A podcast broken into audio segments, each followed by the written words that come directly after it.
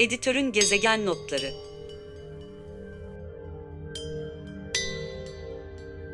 Editörün gezegen notlarının 7. bölümünden herkese merhaba. Ben Zeynep Yüncüler. Her iki haftada bir gezegen24.com'da yer verdiğimiz içeriklerin bir özetine geçmeye devam ediyoruz.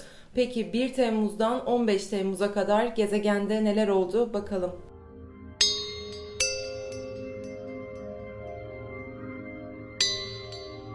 Gezegen24.com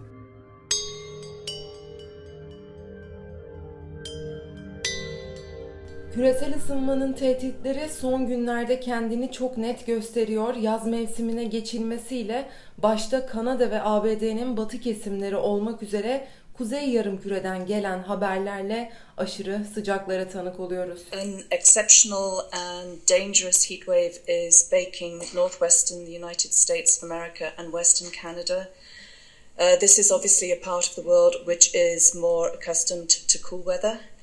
Uh, temperatures are likely to reach as high as around 45 degrees Celsius Dünya Meteoroloji Örgütü sözcüsü Claire Knowles 24 Haziran'da Cenevre'de düzenlediği basın toplantısında olağanüstü ve tehlikeli olarak belirttiği sıcaklıkların en az 5 gün daha 45 santigrat derecelerde seyredebileceğini ifade etmişti.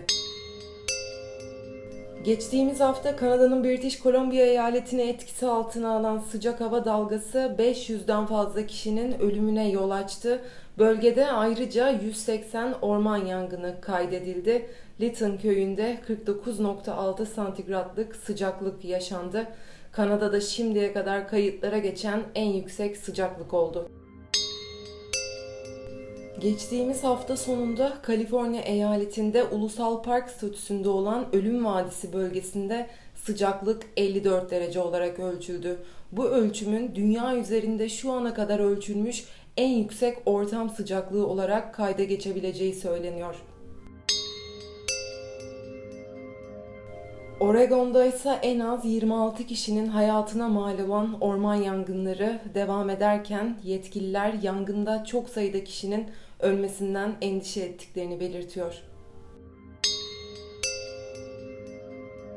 Aşırı sıcaklar ABD'nin doğu yakasında yer alan New York eyaletini de etkiledi. Temmuz ayı başında aşırı sıcaklardan etkilenen New York'ta on binlerce kişi elektriksiz kaldı. Belediye Başkanı Bill de Blasio halka ihtiyacınız yoksa ışıkları bile kapatın duyurusu yaptı. Immediately reduce the use of electricity in your home or in your business. This is very serious stuff. We need to ensure that our electric supply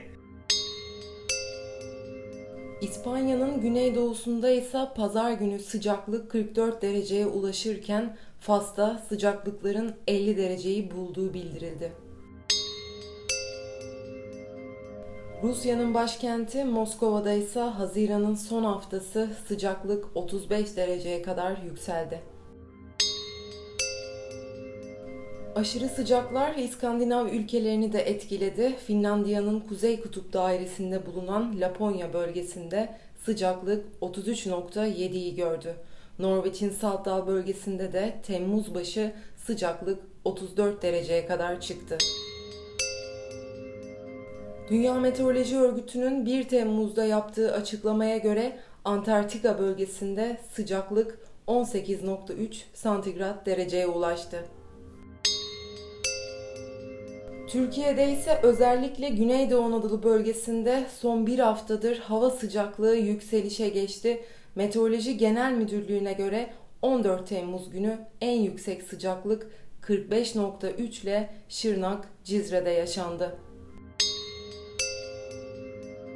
Ve dünya ısınırken insan kaynaklı iklim değişikliğinin sonuçlarını göz ardı ederek gazetecilik yapmak artık imkansız odağına iklim krizini alan gazeteciler habercilik ilkelerini ve çalışma amaçlarını bu krizi daha iyi anlatmak ve kamuoyunu harekete geçirmek gibi önceliklerle yeniden tanımlıyorlar.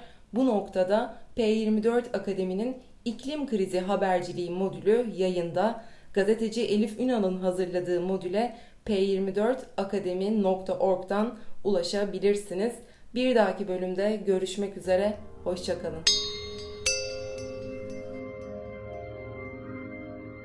Editörün gezegen notları